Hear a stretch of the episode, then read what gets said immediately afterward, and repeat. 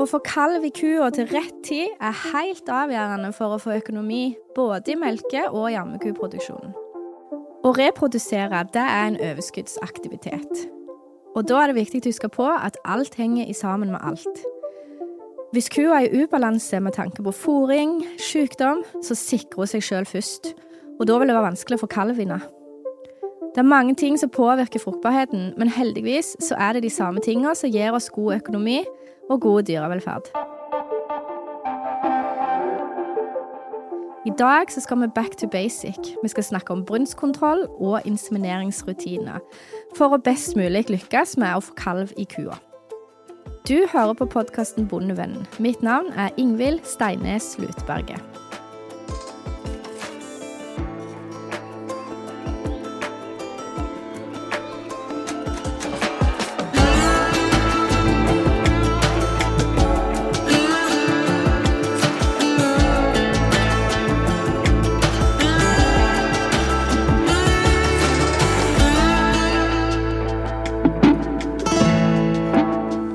Podkasten Bondevennen blir presentert i samarbeid med Sparebank1 SR-Bank og Tveit Regnskap. Vi bidrar til at bonden lykkes. Det er sunnhetstegn når kyrne tar lett kalv. Jeg har snakka med veterinær Randi Therese Garmo som jobber i Tine. Hun deler faktorene som påvirker fruktbarhet, inn i fire grupper. Hoveddelen er jo eh, 40% går liksom på brunstkontroll eh, og så videre, da. eh, Inseminering. Eh, Og så har du en stor del, omtrent en tredjedel på fòring. Og så går det på arv, miljø, og, det, altså, og for NRF-en så er jo det på en måte genositt-problem. Altså at de har okser som har god fertilitet, eller altså kan vise til det, at, og, og så videre. Altså god, ikke bare fertilitet, men altså at de har god befruktningsevne, sædcellene osv. De sender jo ikke noe som er elendig ut på markedet. Eh, og så har du en like 15% som er helsehygiene, og det er jo hvis du sliter og du har uh, møkkete dyr og møkkete i fjosene dine, så kan du ikke se bort ifra at eh, en del av de um, møkk og bakteriene der finnes igjen i kjønnsveien òg, som kan skape trøbbel. Men, men hvis du legger sammen brunstkontroll og fòring, så har du omtrent 70% og det er jo der det er jo der folk må sette inn støtet mye attåt, da. Så, og da gjelder det å være hva skal jeg si, interessert, eller i hvert fall kunne en del teori på, på brunstkontroll og inseminering. eh, Og ha et godt fôr og tenke på hvordan kyrne ser ut holdmessig. Det har jo mye å si for, eh, for brunstaktivitet og, og fertiliteten. Da. Så vil jeg jo si det først som sist at eh, kontroll på fôringa og ha fôrprøve og, og ha kontakt med en fôringsrådgiver, det er ikke dumt. Fôring er jo et veldig stort tema, så i denne episoden så skal vi fokusere mest på brunstkontroll og rutiner rundt inseminering. Og vi går ikke inn på hvordan du skal få kua i energibalanse.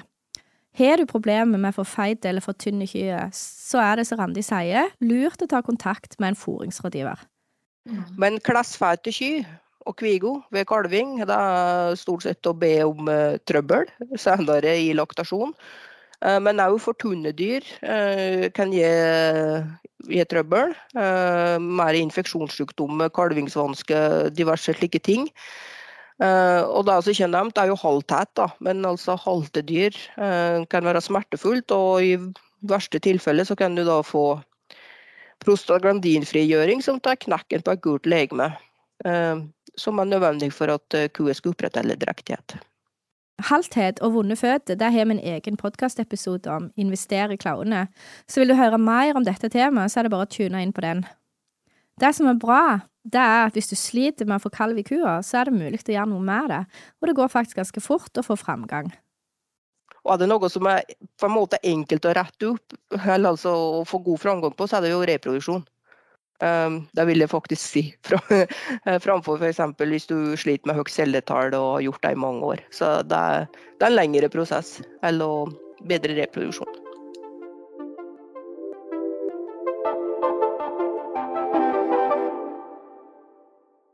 Å være gode på å oppdage og tolke brunst er altså 40% av jobben for å lykkes med fruktbarhet og reproduksjon.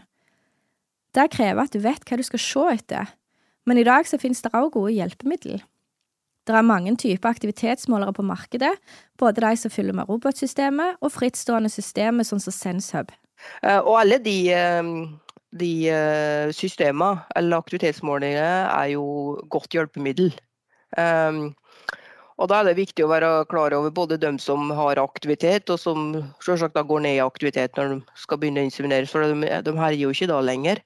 Men det er jo like viktig å registrere dem som ikke kommer i aktivitet. For det er jo dem som, som da kanskje ikke har kommet i gang med syklus eh, eggstokkaktivitet etter kalvingen. Da. De er viktige å fange opp, og det, det ser jeg en del glipp av. Eh, da. Og det er ikke noe fordelaktig at ei ku står med ei kyste eh, altfor lenge. Da blir det bare enda mer trøbbel kan gjøre. Så kjenn i kyrne dine. Men hvis du skal prate om brunsttegn, slik sett, så er jo aktivitetsmåler har du det, så er det et fint system. Men det, det går heller ut på dato å se på kua før du inseminerer eller ringer inseminøren eller dyrlegen. Um, så slim, uh, det er fine saker. å kunne se på slimet altså, og vurdere. og Særlig når kua ligger, så ser du jo at det kan komme en del slim. og det er klart at det som dyrlege har jo en fordel med at de kjenner inn i kyrne så bare presser ut mye slim. kan gjøre, ikke sant? Og ser at det er luftblære. Og er det luftblære og det er mye slim, så er det jo, det er jo et godt tegn på at da er det greit å inseminere. Eh, og er det grått og sekt, så er det for tidlig. Eh, da kan du i hvert fall vente til dagen etterpå. Eh, men, eh, men altså at det er tyntflytende og trådtrekkende og i mengde og kanskje litt, blåskjær nesten til, for det er så blankt. Uh, pluss noe luftbære, så da er du i, i rette plassen. Uh, og så er det andre ting, selvsagt på kuerier eller om hun står for ridning. Altså det er seksuelt aktive grupper da, som kan, kan gjøre både dele en stund, men uh, òg litt i halen. Eh, at du går bort og letter på, på rumpa, da, som man sier her oppe til seg sjøl. Eh, så, så, er det et godt tegn altså, på at uh, den her er klar. Og, og har du kyr som bare, liksom bare står for det inni en binge eller i løsdrifta uten at de er bonde, så er det et godt tegn på at disse står for, for oksen, da, hvis den hadde vært der. Og da står den for det. Da. Så bruk aktivitetsmåleren aktivt, og se i tillegg etter brunsttegn i fjoset. For å ha nytte av aktivitetsmåleren så må du kjenne systemet og vite hva grafene som kommer opp, betyr. Melkeprodusent Lars Egil Lauten fra Kløfta han er eierinseminør og bruker aktivitetsmåleren til å finne ut når det er rett tidspunkt for inseminering. Men det er liksom bare det å lære seg, å vi bytta aktivitetsmåler eh, for ja, tre år siden, sånt, så da måtte jeg, var det en ny læringskurve å finne ut når, når var riktig tidspunkt igjen for eh, liksom, med grafer og lese de uh, informasjonen du får der. For vi har jo også at han registrerer drøvtygging, da. Og den pleier også å få en dropp i forbindelse med brunst. Så det er jo et eh, godt tegn. Det er ikke alle kyr som viser brunst likt og har like tydelige brunsttegn. Nei, jeg kan si det er ikke alle, kuer, alle dyr som uh, slimer tydelig. Uh, men du ser at de hovner opp og ja, andre tegn. Da. At de viser veldig interesse for andre dyr, og ikke minst deg. Eh, når du går gjennom fjøset og de eh, klenger seg på deg, så er det jo et veldig tydelig tegn, det òg. Når du har oppdaget brunsten, så er det jo dette å få inseminert på rett tidspunkt. Kyr er polyøstrale, det vil si at de kommer i brunst hele året, med ca. tre ukers mellomrom. Men her er det litt variasjon. Kvigen de har jo kortere eh, brunstsyklus, altså intervall i seg sjøl. Vi liker jo gjerne å si at eh, kyrne går på tre uker 21 dager, og kvigen 20-21 dager. Eh, den skal være klar over at her kan det være litt variasjon fra en, en 18 til 24 dager på, på voksne sky og 17 til 23 på, på kviga. Så, så, det er liksom ikke helt krise om du ikke går akkurat på tre uker. Så for å treffe rett tidspunkt for inseminering, så er du avhengig av gode noteringer. Hvordan du gjør det, det er ikke viktig, så lenge det funker for deg. Lars Egil han sverger til den gode, gamle brunstkalenderen, i tillegg til de systemene som roboten har. Eh, men jeg er jo også litt gammeldags, så jeg har jo også en sånn brunstkalender. Bygde jo på fjøset da i 2010, og eh, bygde også om gamlefjøset til løsdrift, hvor vi har eh, kvigene. Og litt for å spare kostnader, så beholdt jeg det gamle skifterommet da, i gamlefjøset. Så hvert eneste fjøsøl så starter vi jo da med å gå gjennom hele kvigefjøset. første vi gjør om morgenen og sist vi gjør om kvelden, er å gå gjennom de gruppene som da er over, over 14 måneder der, da, og sjekke brunst. Og Da er det også å notere på brunstkalenderen, som kommer i gang tidlig da, med å, særlig å finne blødninger. Nøyaktige noteringer og bruk av fargekoder er nyttig for å holde oversikten. Jeg bruker uh, rødt uh, på blødning i, på brunstkalender.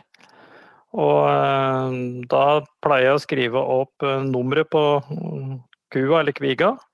også en bindestrek, og så skriver jeg da klokkeslett for observasjonen. Uh, og på den måten så veit du da om uh, første observasjon av blødning er klokka seks om morgenen eller klokka ti om kvelden. Eller seks om kvelden, for den saks skyld. Da. Og Det er jo da stor forskjell om du har observert blødning uh, mandag 1. mai klokka seks om morgenen eller klokka seks om kvelden. og Da kan du da kjøre statistikk egentlig da når du forventer neste brunst på det individet. Og dette med hvor tid du observerer dyra, har også betydning.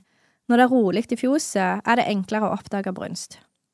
Så å observere og gå runder og vite hvilke kyr du skal se etter.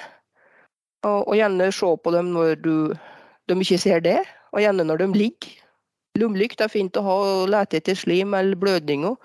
Så har du et fjosloft med god utsikt over fjoset, der du ikke forstyrrer dyra, eller går rolig inn i fjoset uten å slå på lyset og vekke hele gjengen, gir deg mulighet til å oppdage mer. Det er også veldig viktig å ha god opplæring av avløsere og andre som hjelper til i fjoset. Jeg driver denne gården øh, Vi har jo da en 70 mjølkekuer, og jeg har øh, med meg én medarbeider. Og jeg er jo øh, veldig si, er veldig avhengig av at den jeg har med meg her, da, eh, avløser, eh, hva de observerer og hva de eh, gjør. Hvor våkne de er òg. Så det hjelper liksom ikke bare hva jeg gjør, men det er også hvem jeg har med på teamet mitt. da.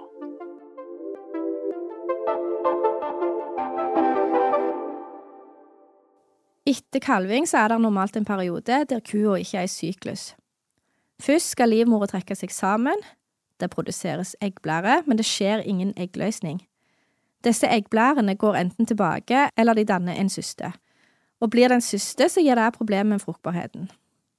Hvor lang tid det går før vi får den første normale eggløsninga, er sterkt påvirka av fòring og negativ energibalanse. Altså, hvis kua får for lite energi og tapper for mye av holdet, så tar det lengre tid før hun kommer i brunst. Skal vi ha en kalv i året, så bør i grunnen kua være drektige ca. 80-90 dager etter kalving, og vi har ikke fryktelig god tid på oss. En studie viste at NRF-kyr har første brunst ca. 21 dager etter kalving, mens Herford går hele 42 dager før de får den første brunsten etter kalving, sånn i snitt. Det skyldes at når kua går med kalven og den patter, så skiller det ut hormonet som påvirker eggløsninga. For å få ei vellykka inseminering så er vi avhengig av både god eggkvalitet og gode forhold i livmora. Ei 30 år gammel hypotese sier at eggkvaliteten er bedre på eggene som produseres i sinperioden, altså når kua er i energibalanse før hun kalver, og at vi derfor må begynne insemineringa tidlig. Men det er ikke det eneste som er viktig for å få til en drektighet.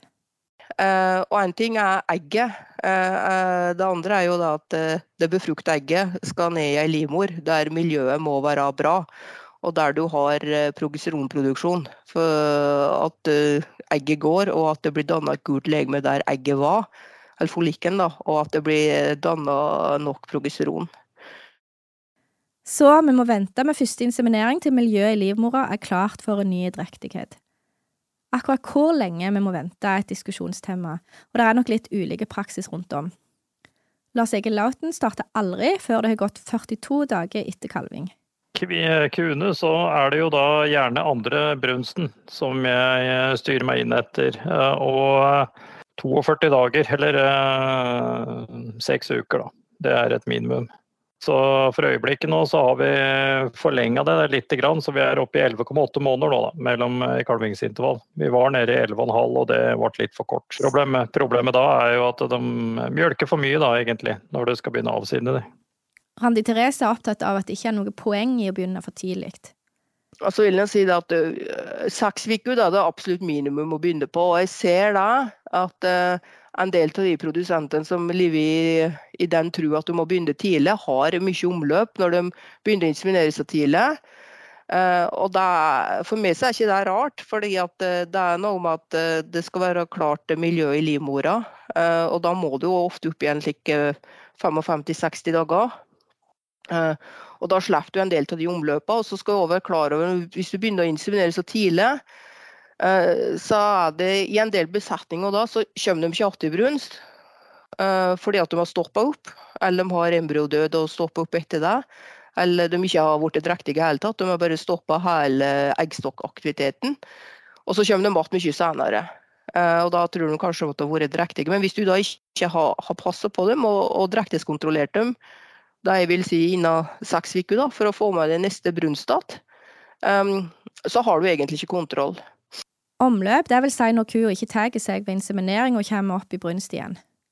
Inseminerer vi for tidlig, så risikerer vi altså mer omløp, eller at embryoet dør tidlig og kua på nytt får en periode uten syklus. Og da kan vi fort havne bakpå, med tanke på å få kalv i kua tidsnok. Um, og så har du dem som mener at nei, du kan ikke begynne å inseminere før du har passert uh, opp igjen tre måneder og så videre, For det får ikke kalv i kyrne likevel. Uh, og det er òg en misforståelse. Da er uh, er det jo noe med ditt miljø i, i besetninga som ikke er helt Hva skal jeg si, da? Helt fordelaktig, da. Hvis vi opplever at det ikke er noe poeng i å starte insemineringa før etter tre måneder etter kalving, så er det noe som ikke stemmer. Og det kan ofte skyldes fôringa, hvis kyrne er for lenge eller for mye i negativ energibalanse etter kalving. Noen har jo spekulert i at det kan være lønnsomt å ha lengre laktasjoner, og utsetter derfor insemineringstidspunktet bevisst. Det gjelder særlig raser som har en veldig flat melkekurve. Likevel er det viktig å huske på at hvis det går 15 måneder mellom kalvingene, så mister du tilskuddet på kua. Og lang tid mellom kalvingene gir jo også færre kalver i året, og de aller fleste besetninger vil ha en lavere ytelse hvis gjennomsnittlig antall dager fra kalving ligger langt over 150. Praten nå prater jo jeg om NRF-en, da. Det er jo den dominerende rasa her, og den jeg kjenner til best. Så er jo at uh, å drive med like extended lactation på NRF og tro at det er liksom uh, Da skal du bare forlenge melkeytelsen og at hun ikke skal legge på seg, det er, det er litt likt der å ha være forsterkertrua. Uh, stort sett så går de ned i bjølkeytelse og så begynner de å legge på seg mer fett i stedet. Så det å få til dem, få dem drektig innen rimelig tid og jeg mener at hvis du har et kalvingsintervall oppimot 15 måneder for dem som er redd for deg, da, um, så kan du ta altså Da er jo kua faktisk 15 minus 9, da. Altså omtrent nesten seks måneder ute i laktasjon før hun er drektig i hvert fall passert fem.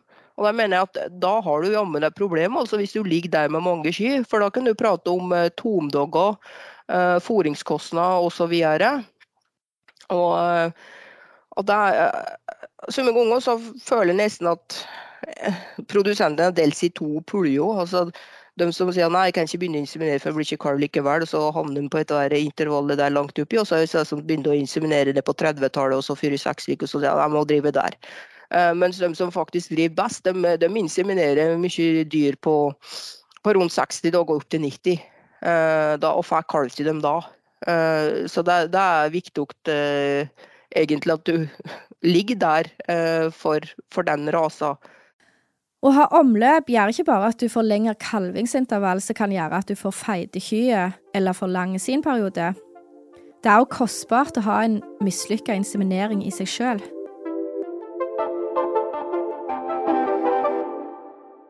Når du har funnet rett insemineringstidspunkt, så er det viktig at selve insemineringa blir utført på rett måte.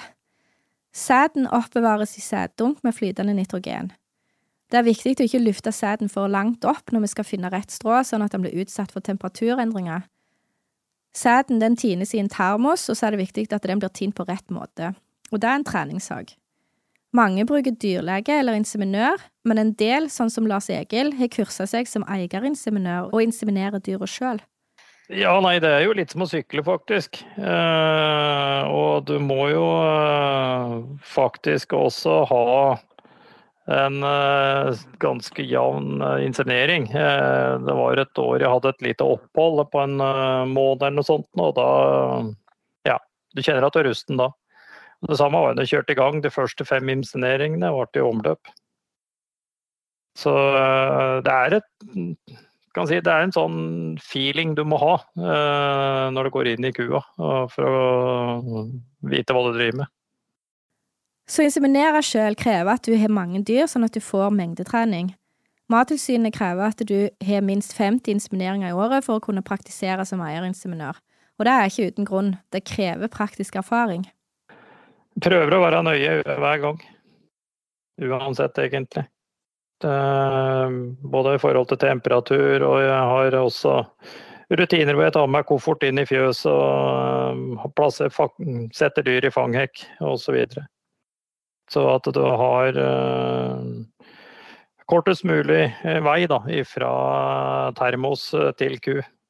Når du bruker inseminør eller veterinær til å inseminere, så er det litt mer uforutsigbart tid på døgnet de kommer for å inseminere, i forhold til tid du mener det er rett tidspunkt. Og på plasser med mye melkeproduksjon så har de gjerne god tilgang på inseminør, men er det mer grisgrendt, så kan det være en utfordring. Da kan spermital være aktuelt. I en spermitaldose så er sædcellene lagt i en alginatgel før nedfrysning, som beskytter cellene for skade som kan oppstå ved nedfrysning. Og Det gir bedre sædkvalitet og lengre levetid etter tining, og gjør derfor at insemineringstidspunktet er litt mer fleksibelt. Men det koster 120 kroner ekstra per dose, så det er viktig å tenke igjennom om det er nødvendig. Og, men etter at jeg begynte å inseminere sjøl, så har vi, ser mindre behov for det, faktisk med at vi kan eh, Vi har dunken med okser stående seg sjøl og kan eh, velge når på døgnet vi inseminerer. For det var jo en sånn utfordring når vi ringte inseminør. Det er jo veterinær som inseminerer her. Og eh, i mange år så hadde vi en veterinær som da bodde en kilometer fra gården. Det ringer veterinær klokka ni om morgenen, og av og til skulle da veterinæren komme allerede klokka halv ti som første besøk, da, hvis det ikke var noen andre akutte mjølkefeber eller noe sånt. Eh, og hvis de hadde mjølkefeber eller noe annet som var akutt, så kom du ikke da før eh, fem-seks på tur hjem. Så eh, og kan si hvis du var usikker om det hele tatt skulle inseminere kua den dagen da, og ringer klokka ni om morgenen, så, og veterinæren står der da en halv time etterpå, så var det jo veldig smart å bruke uh, spermital. Da. For å få en vellykka inseminering så er det, som vi har snakket om tidligere, viktig at miljøet i livmora er klart. Et tegn på det er når slimet er blankt.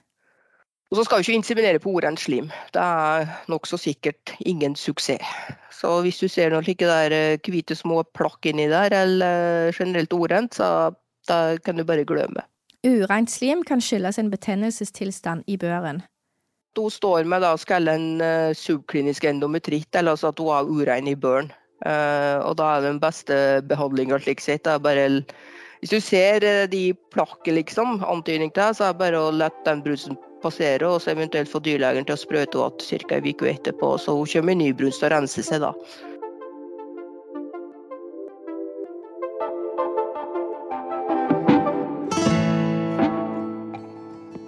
Denne episoden er sponsa av Felleskjøpet Rogaland Agder. Felleskjøpet arbeider hver dag for din lønnsomhet som bonde, og for lokal og norsk matproduksjon. Ta kontakt med en av våre konsulenter, eller gå inn på nettsidene våre bondekompaniet.no. Hvor gamle kvikene dine er når de får sin første kalv, har stor betydning for økonomien. Det koster å fôre fram ei kvike, og dess lengre oppfòringstid du har før hun kalver første gang, dess dyrere blir oppdrettet. Eh, og slik økonomisk sett, ut ifra det som er gjort uh, av beregninger i Tine her, så er det, det er ingenting å hente på å ha et høyere innkallingsalder enn 24 måneder. Du, du, du tjener ikke noe mer på det, altså. Uh, Summe tror det, men det gjør du faktisk ikke. Men det er viktig å ikke inseminere kvikene før de er store nok. Unge dyr kan vokse veldig fort tidlig i livet hvis de får rett fôring, men etter de har blitt drektige, så vokser de seinere. Derfor må vi sørge for å få de store nok før vi inseminerer de, for å unngå kalvingsvansker, men også for å få god produksjon på dyra. Og det er jo viktig å vite størrelsen på, på kviga når du inseminerer henne. Størrelse betyr mer enn alder. Kvigen er jo stort sett altså hatt sin første brunst til de er innen året. Det kommer jo litt på, på fôringa osv. da. Får de store nok til å kunne få de drektige før de er 15 måneder, krever at vi har fokus på kalv og kvigefòring. Eh, kalver med dårlig tilvekst i starten har eh, vanskeligere for å ta seg kalv som kvige. Og så er det de som har vært syke, særlig med luftveisinfeksjon, har vist i utenlandsk studie at de eh, kan bli trøblete med med innkalvingsalder, da, slik sett. Så, så, det har faktisk betydning hva du gjør med kalven din. Så, så begynn der. Tenk på kalv, kvige og ku. Da er tre k-er. Og hvis du er veldig flink på kalv, oppfòring og kvige, så kan du havne i den situasjonen at de kommer veldig tidlig til brunst, og de kan begynne å legge fett før de blir inseminert. Derfor er det viktig å følge med på tilvekst på kvigene, sånn at du kan justere hvis de vokser for fort. Så jeg vil anbefale både produsenter og rådgivere altså at en går ned i kvigbingen og så ser på dem, ikke stå på fòrbrettet og ser ned på dem, for da ser de ofte litt mindre ut men at en går opp i bingen og så tar noen mål. og Da får du litt enklere oversikt over hvor stor hun faktisk er. Og det finnes gode verktøy i kukontrollen for å følge med på tilveksten.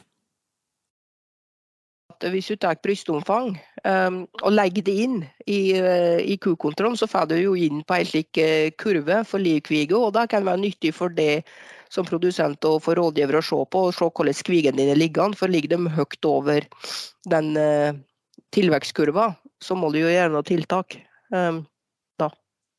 Og samme hvis de ligger langt om det. Så, så det er egentlig litt greit å se på, det, faktisk. Vi vil ha store kviger, men her må vi vite hva som er stort nok. Det er ikke sånn at det større, dess bedre. Vi vil jo helst at kvigen skal kalve inn på 24 måneders alder, men hvis de er større når de er yngre, altså at de passerer 166 cm i brystomfang, da, så, så må man jo bare begynne å inseminere tidligere. Uh, og da har jeg diskutert med en del eh, produsenter at eh, de kanskje syns at kvigen kvigene sine er for små. Og så begynner vi å se litt på dem, og så er de kanskje en del større enn de tror. For ei kvige som er en 66 i brystomfang, var ikke så fryktelig stort. Men hun har stort sett god fertilitet. da.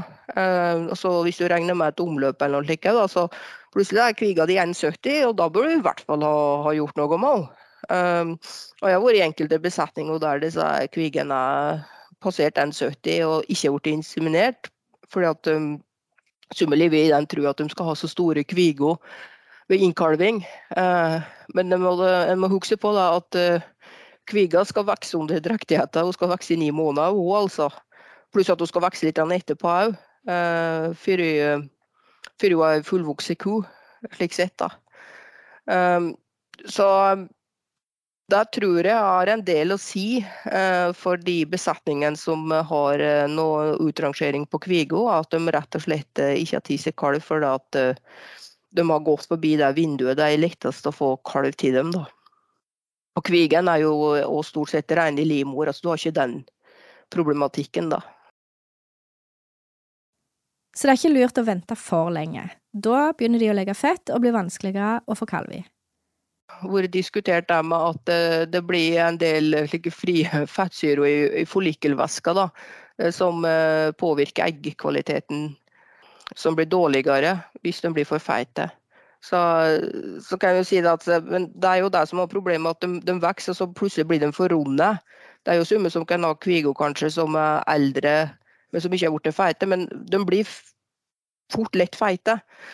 Og i enkelte besetninger, hvis de står eh, tett innpå kyrne og kanskje får tak i mye av fôret deres, eh, og hvis det til og med er blanda noe pellets inn i det fôret til kyrne, eh, slik det er delmiks, eh, da, så er det krutt for kvigo.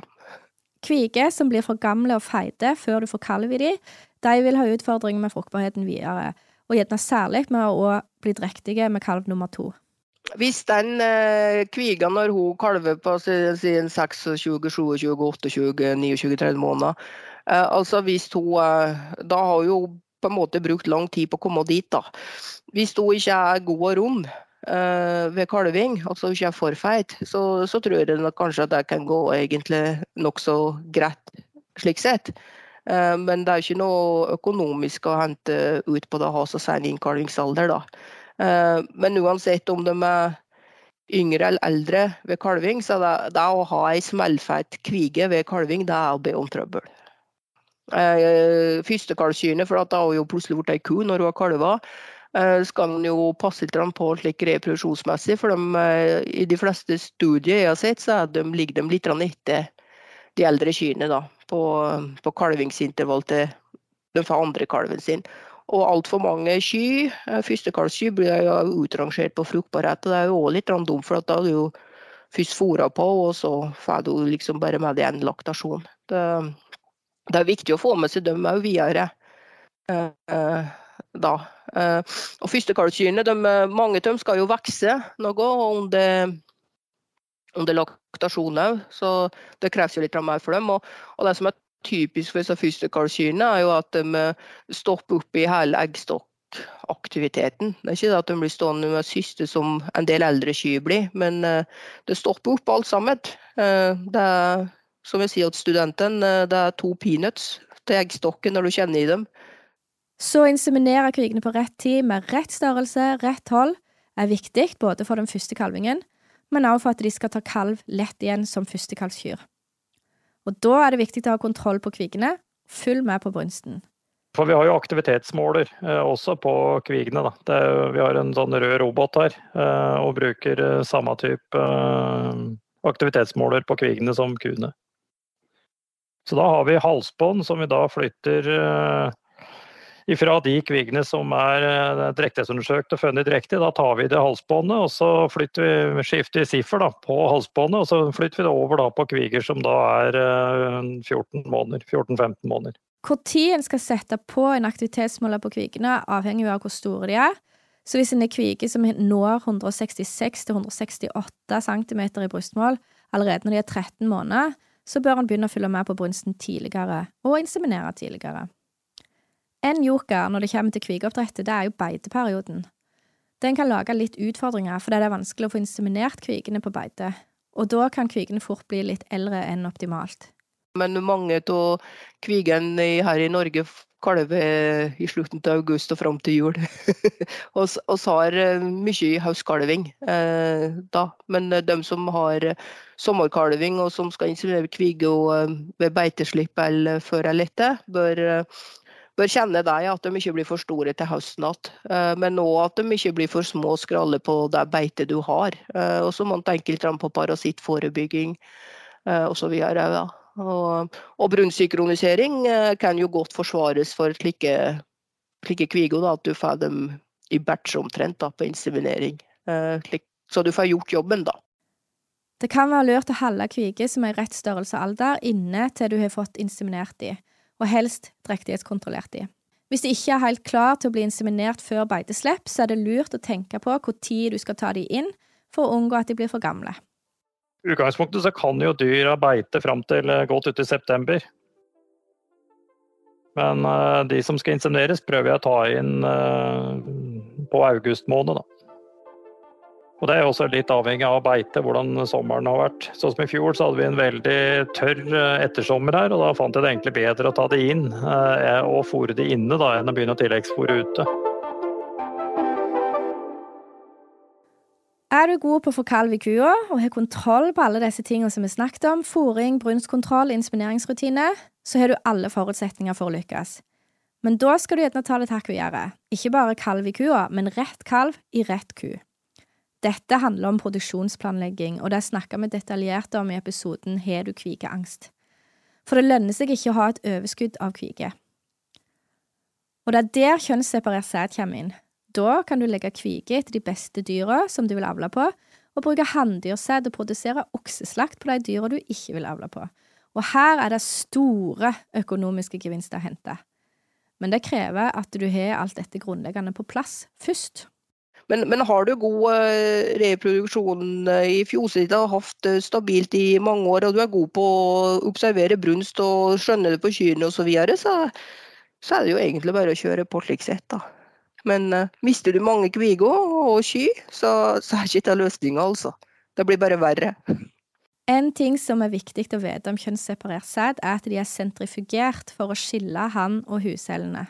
Uh, og så er det jo fryktelig mye mindre antall uh, sædceller i doser, og det gjør jo at uh, uh, drektighetsprosenten eller ikke-omløpsprosenten blir jo òg noe lavere. Så det er jo, Internasjonalt så ligger det jo på rundt to millioner mot tolv millioner i en konvensjonell dose. Så det sier seg sjøl at her det, må du treffe godt. Uh, og i attpåtil så er de hva skal jeg si, sli i hodet, altså de er sorterte. Så de er, de er ikke så vitale kanskje òg kan være.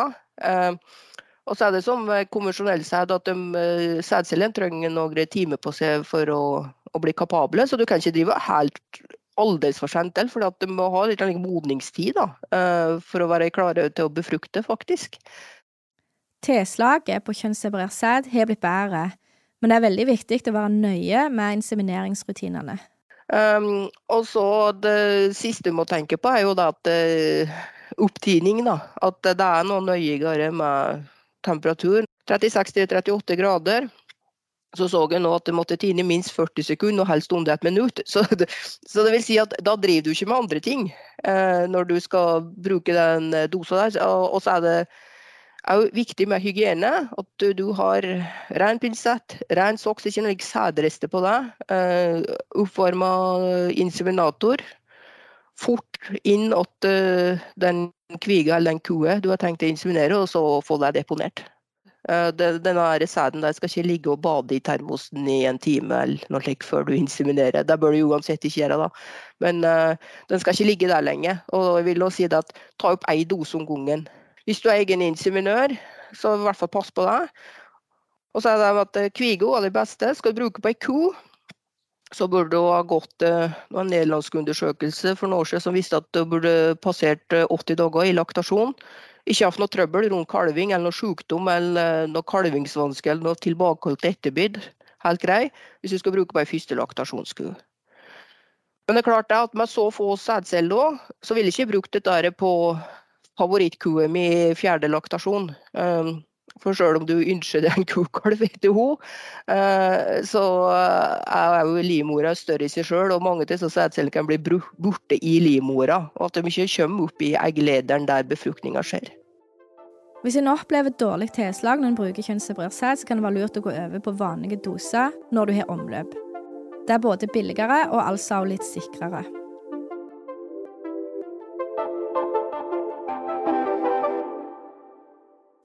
Å drektighetskontrollere er en veldig viktig bekreftelse å få for å ha kontroll på fruktbarheten i besetninga.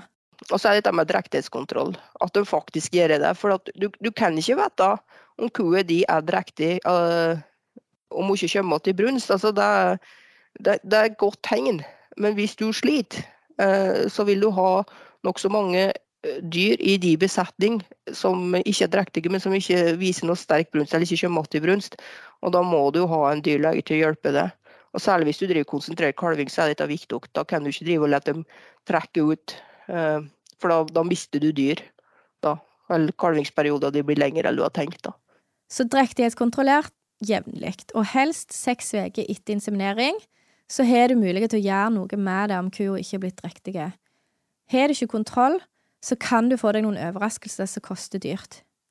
Tine tilbyr jo drektighetskontroll på melkeprøve, det vi kaller en PAG-analyse, som kan være til hjelp hvis ikke du har dyrlegen så ofte på besøk.